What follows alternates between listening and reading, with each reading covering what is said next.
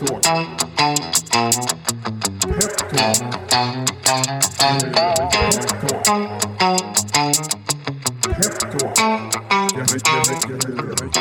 Hej och välkommen till ett nytt avsnitt av Peptalk. Dagens avsnitt leds av mig, Martin N Larsson. Och mig, Jakob Karlegert.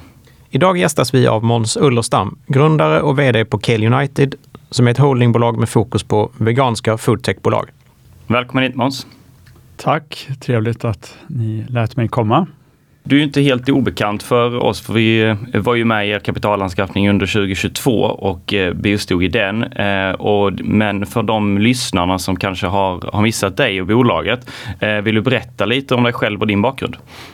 Ja, min bakgrund är som IT-entreprenör. Jag har startat bolag sedan 1999 och gjort ett antal olika startupresor tagit in mycket kapital från eh, klassiska riskkapitalister, eh, både i Sverige och utomlands. Och det sista bolaget på min IT-entreprenörsresa var Resolution Games, som är ett bolag som gör eh, eh virtual reality och augmented reality-spel. Eh, det var en jättekul resa. Vi fick in eh, Google som eh, lead investor i bolaget och det går jättebra för bolaget. Eh, men under min tid på Resolution Games så läste jag in mig på klimatförändringarna lite mer och försökte fundera på vad kan man göra själv för att minska sitt egna klimatavtryck. Eh, och då upptäckte jag att det största enskilda man kunde göra var att byta till en eh, växtbaserad kost. Och eh, lite sån ingenjör eller vetenskapsman som man är, så var det bara att göra det då.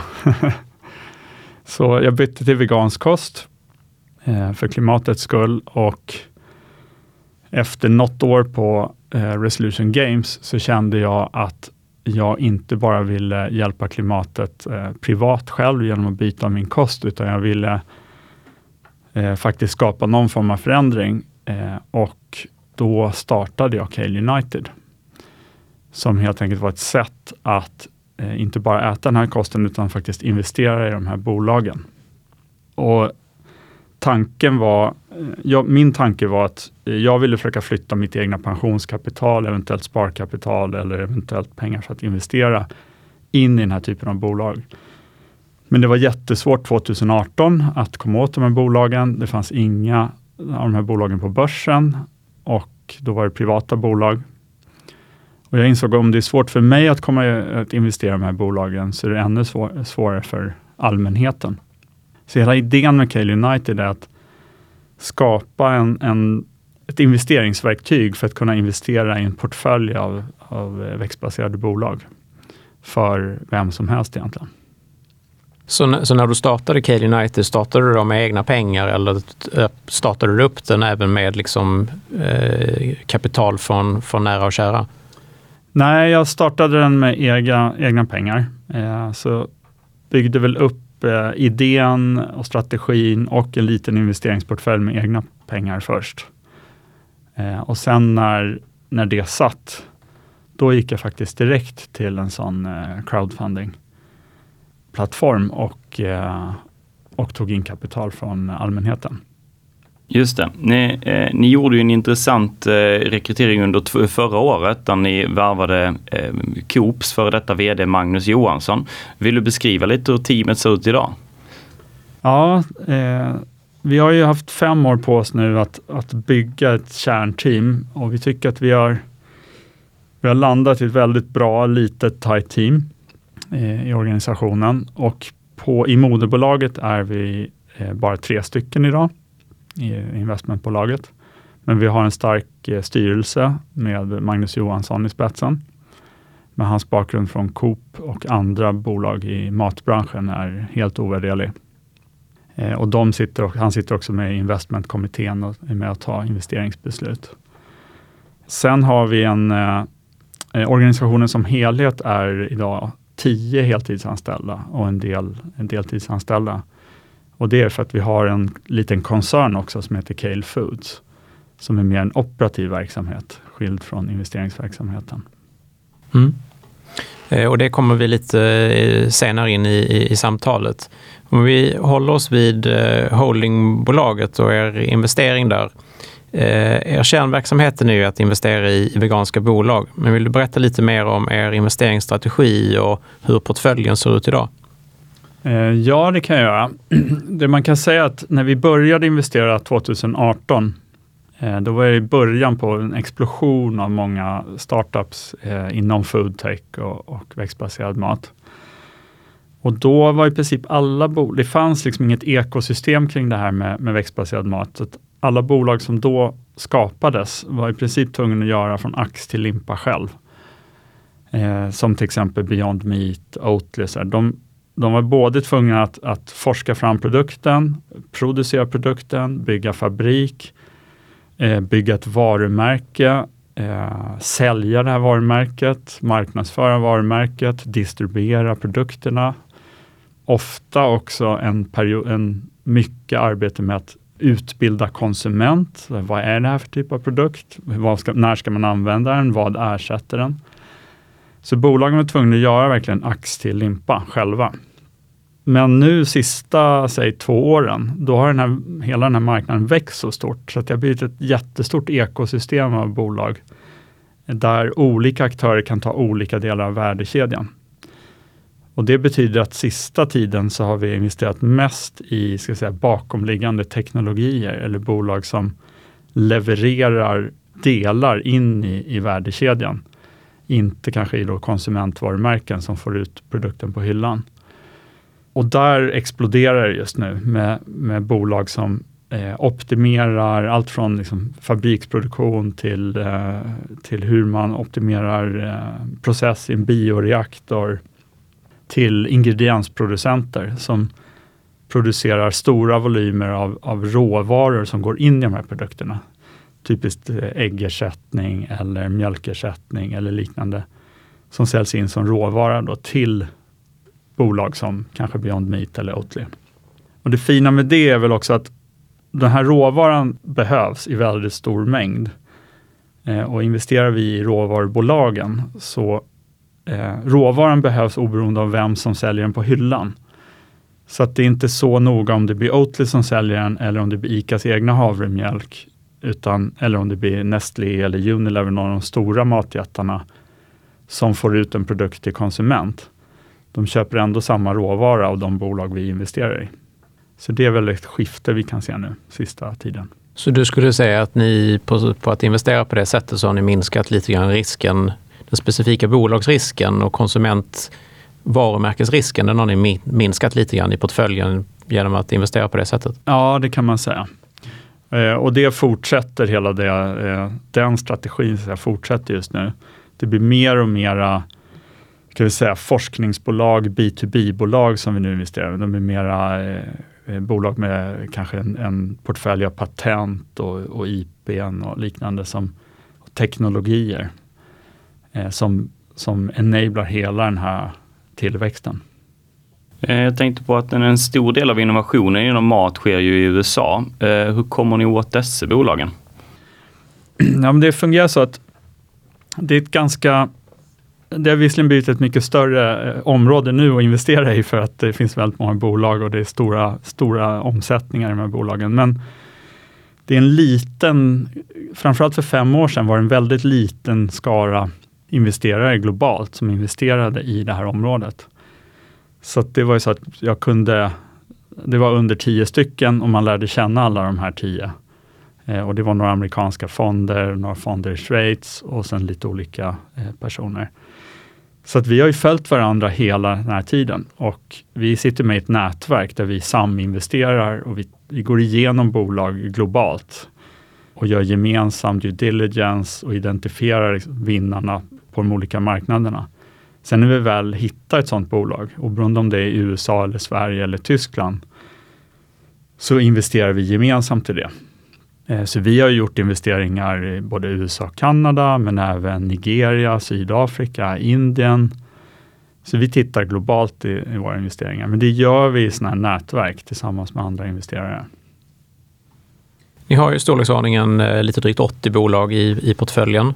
Eh, är det några speciella innehav som du skulle vilja lyfta fram eh, och som ni har identifierat som extra intressanta, kanske just i ljuset av den här business to business eh, approachen som ni har?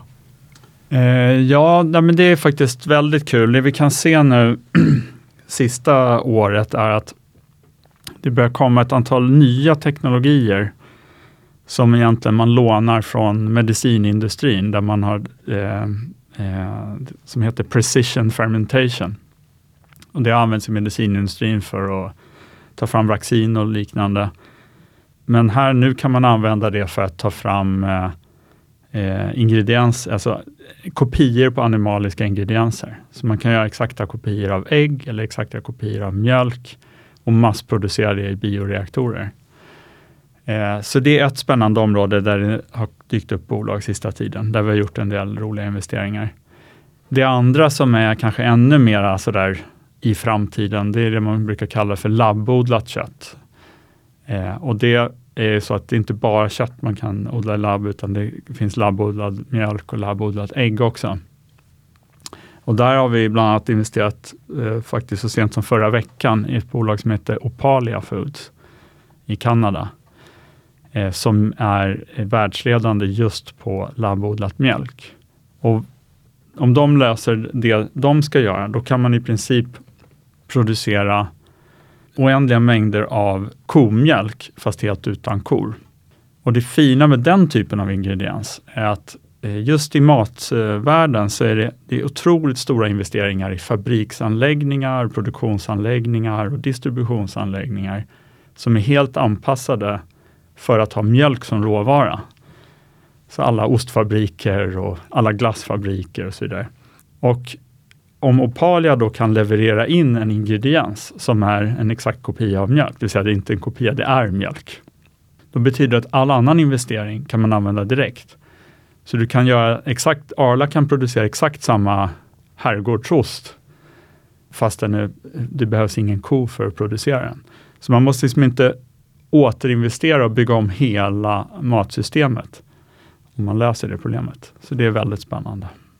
Och hur mycket investerar ni i Opalia och hur stort är det bolaget? Det är fortfarande litet, det är ett forskningsbolag. Eh, så väldigt många av de här bolagen är fortfarande kanske tre till fem år bort från att ens ha en produkt på marknaden. Mm.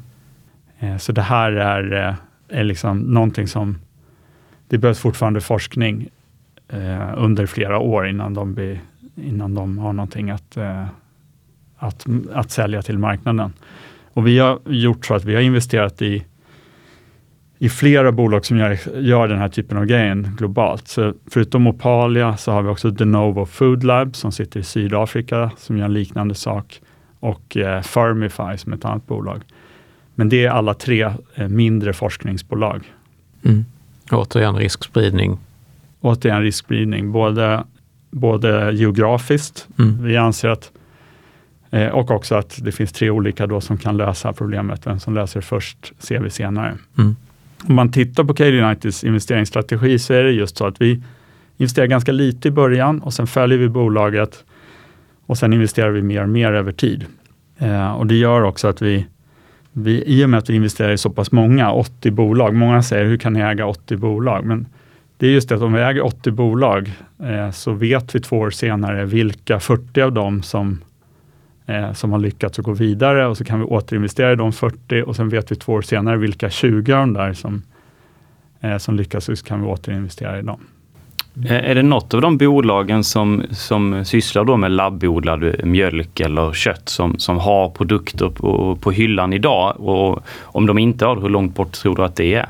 Ja, det är faktiskt så att vi har investerat i Eat Just som är ett eh, väldigt spännande bolag i USA. Det är mycket större, ett miljardbolag.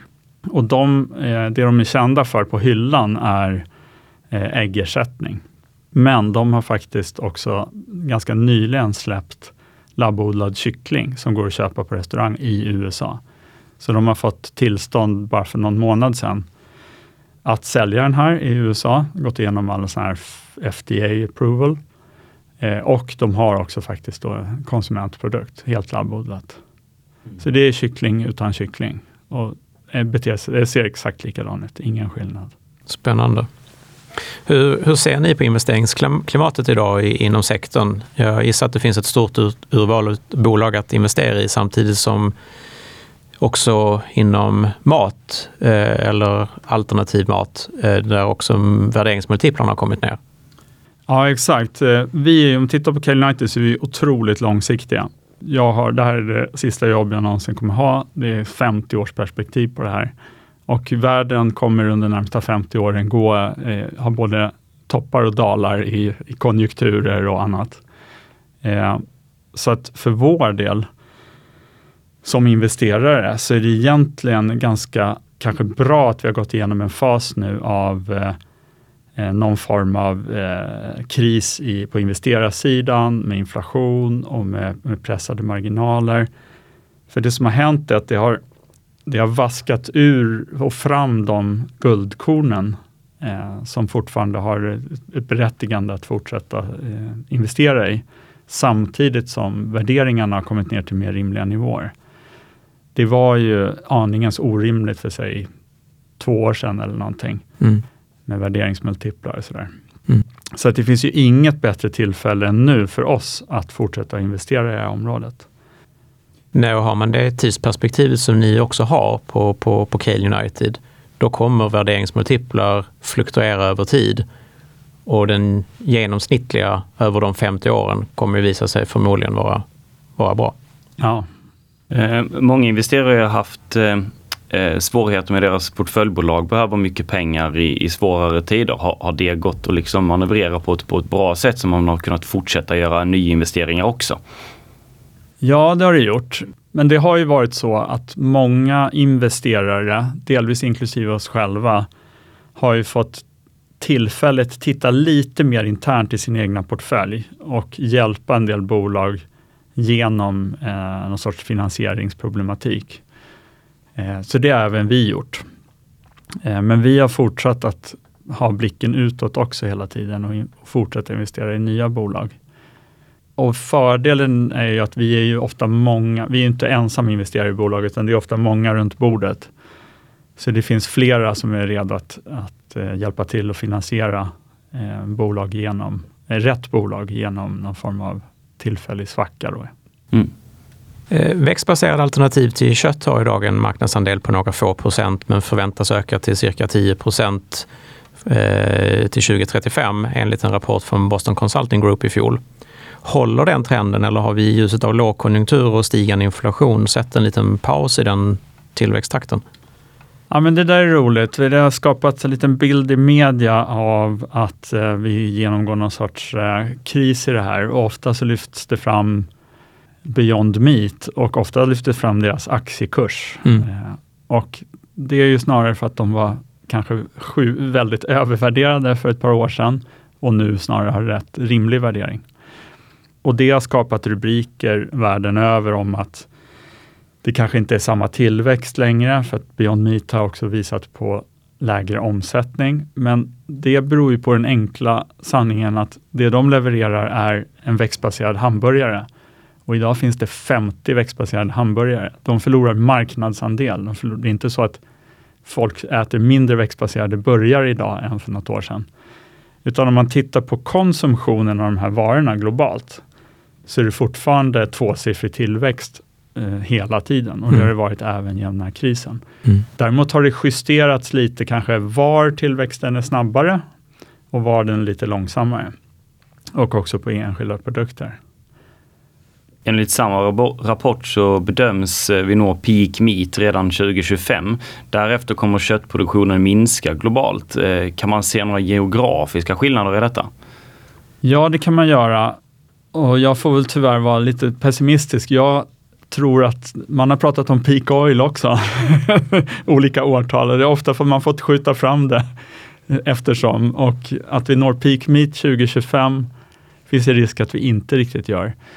Eh, men däremot har vi nått peak meat i många, västvärld, i många västländer. Så eh, länder som USA, Sverige, England, Tyskland, där, har vi, där går vi varje år neråt i eh, köttkonsumtion.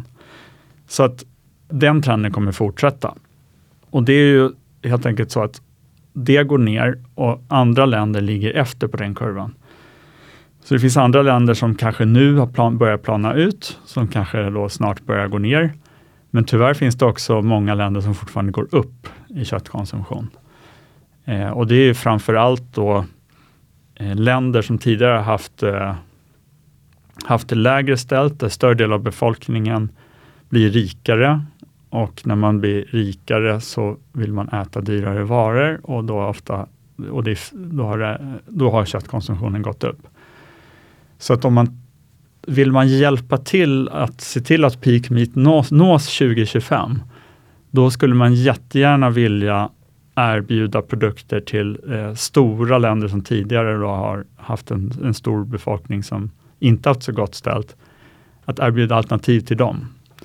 Så ett fantastiskt case vore ju att, att se till att, att man levererar en produkt till indier och kineser, de här stora marknaderna, som annars kanske skulle få en ökad eh, köttkonsumtion de närmsta fem åren. Man helt enkelt bryter deras kurva eh, så den inte ser ut som våran har gjort till exempel. Nej, exakt. Eh, det här samtalet inledde du lite grann att prata om Cale Foods. Vad kan du berätta om den verksamheten om vi går in lite mer i detaljerna? Ja, men det är jättekul. Cale Foods eh, är i en otroligt spännande fas just nu. Cale Foods är, eh, och det är några bolag till runt det, det är en liten grupp dotterbolag som vi av olika skäl har blivit majoritetsägare i och därför driver själva. Och alla bolag har gemensamt att de jobbar med distribution av växtbaserad mat. Så de hjälper egentligen till att få ut eh, produkterna på hyllan. Och det är i Sverige, Norge, Finland, på sikt lite fler länder. Och det är i alla vanliga kanaler, så det, det är liksom ICA och Coop och det är restauranger och liknande. Och om man tittar på de flesta matbolag sista året, så alla gått igenom någon form av sparprogram, uppstyrnings, eh, man ser över kostnader, man optimerar eh, liksom hela verksamheten. Och det har även Cale Foods och gruppen gjort.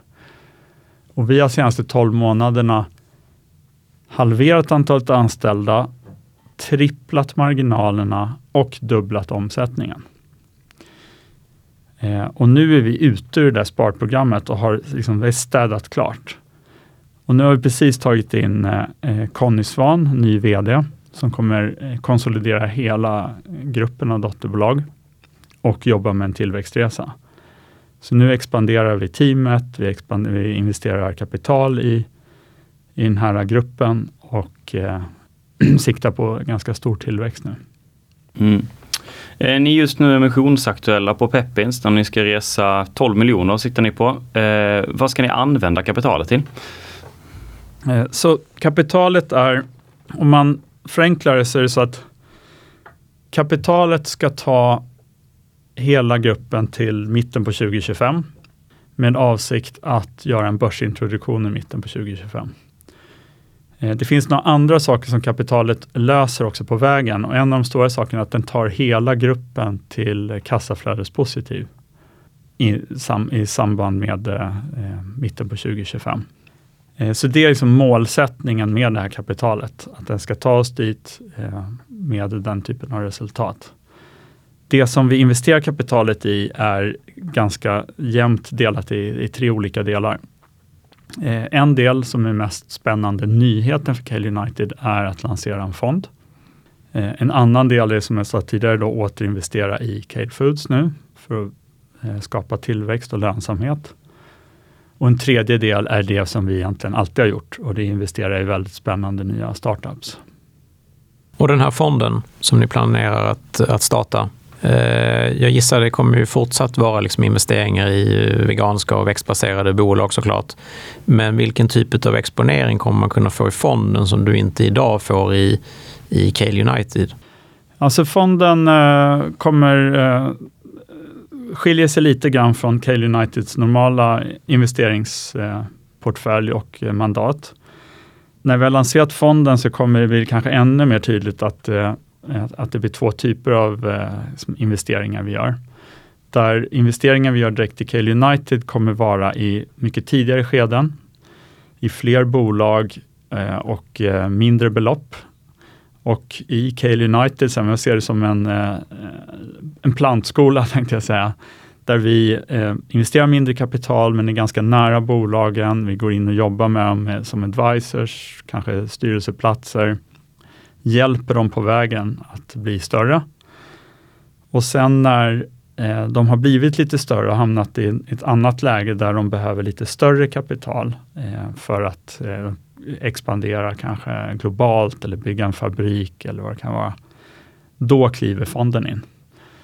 Så fonden kommer investera i senare skede i mycket färre bolag då, och eh, större belopp. Det låter som att eh, Cade United har lite högre eh, risk i sina case än vad fonden kommer ha. Och du som är ute och träffar liksom en hel del investerare. Eh, skulle du säga att detta attraherar liksom en helt annan typ av investerare? Eller eh, hur, hur ska man liksom tänka på fonden, vem den riktar sig mot? Exakt, om man vill ha högre riskprofil då kan man investera direkt i Cale United och sen vill man ha lite lägre riskprofil kan man investera i fonden.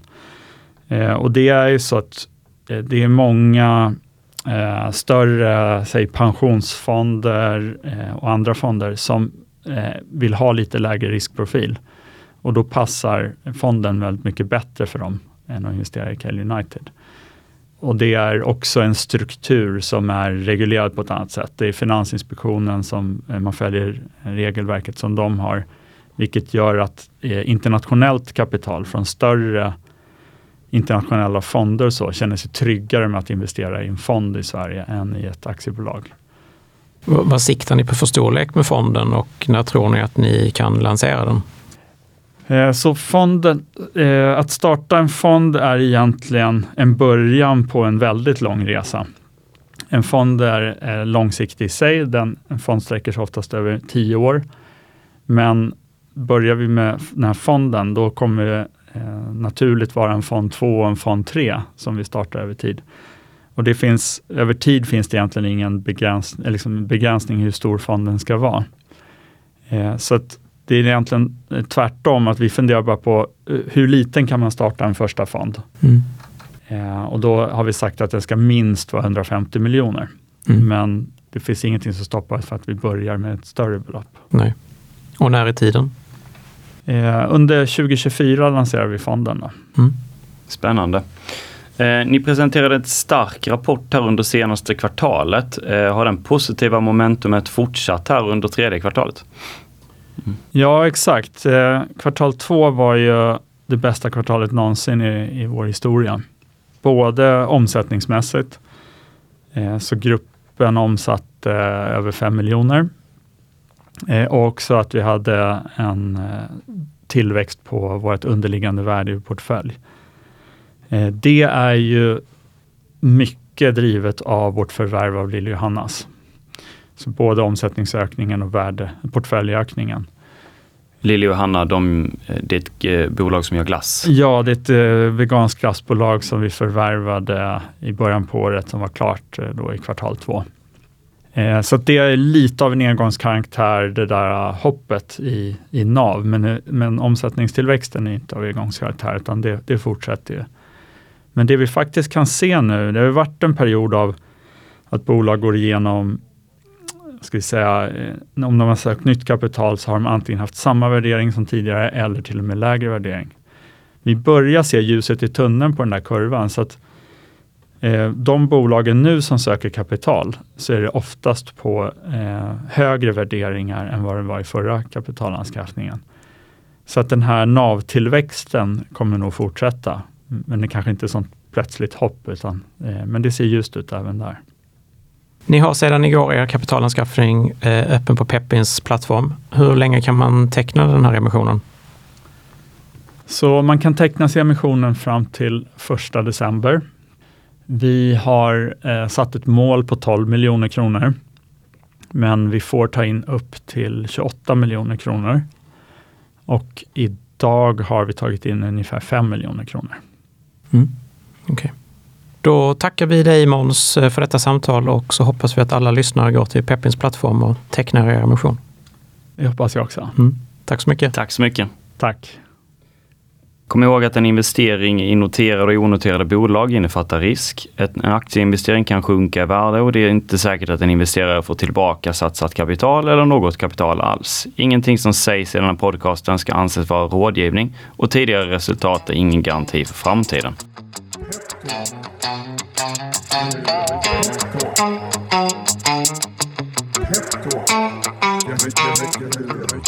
Peptalk.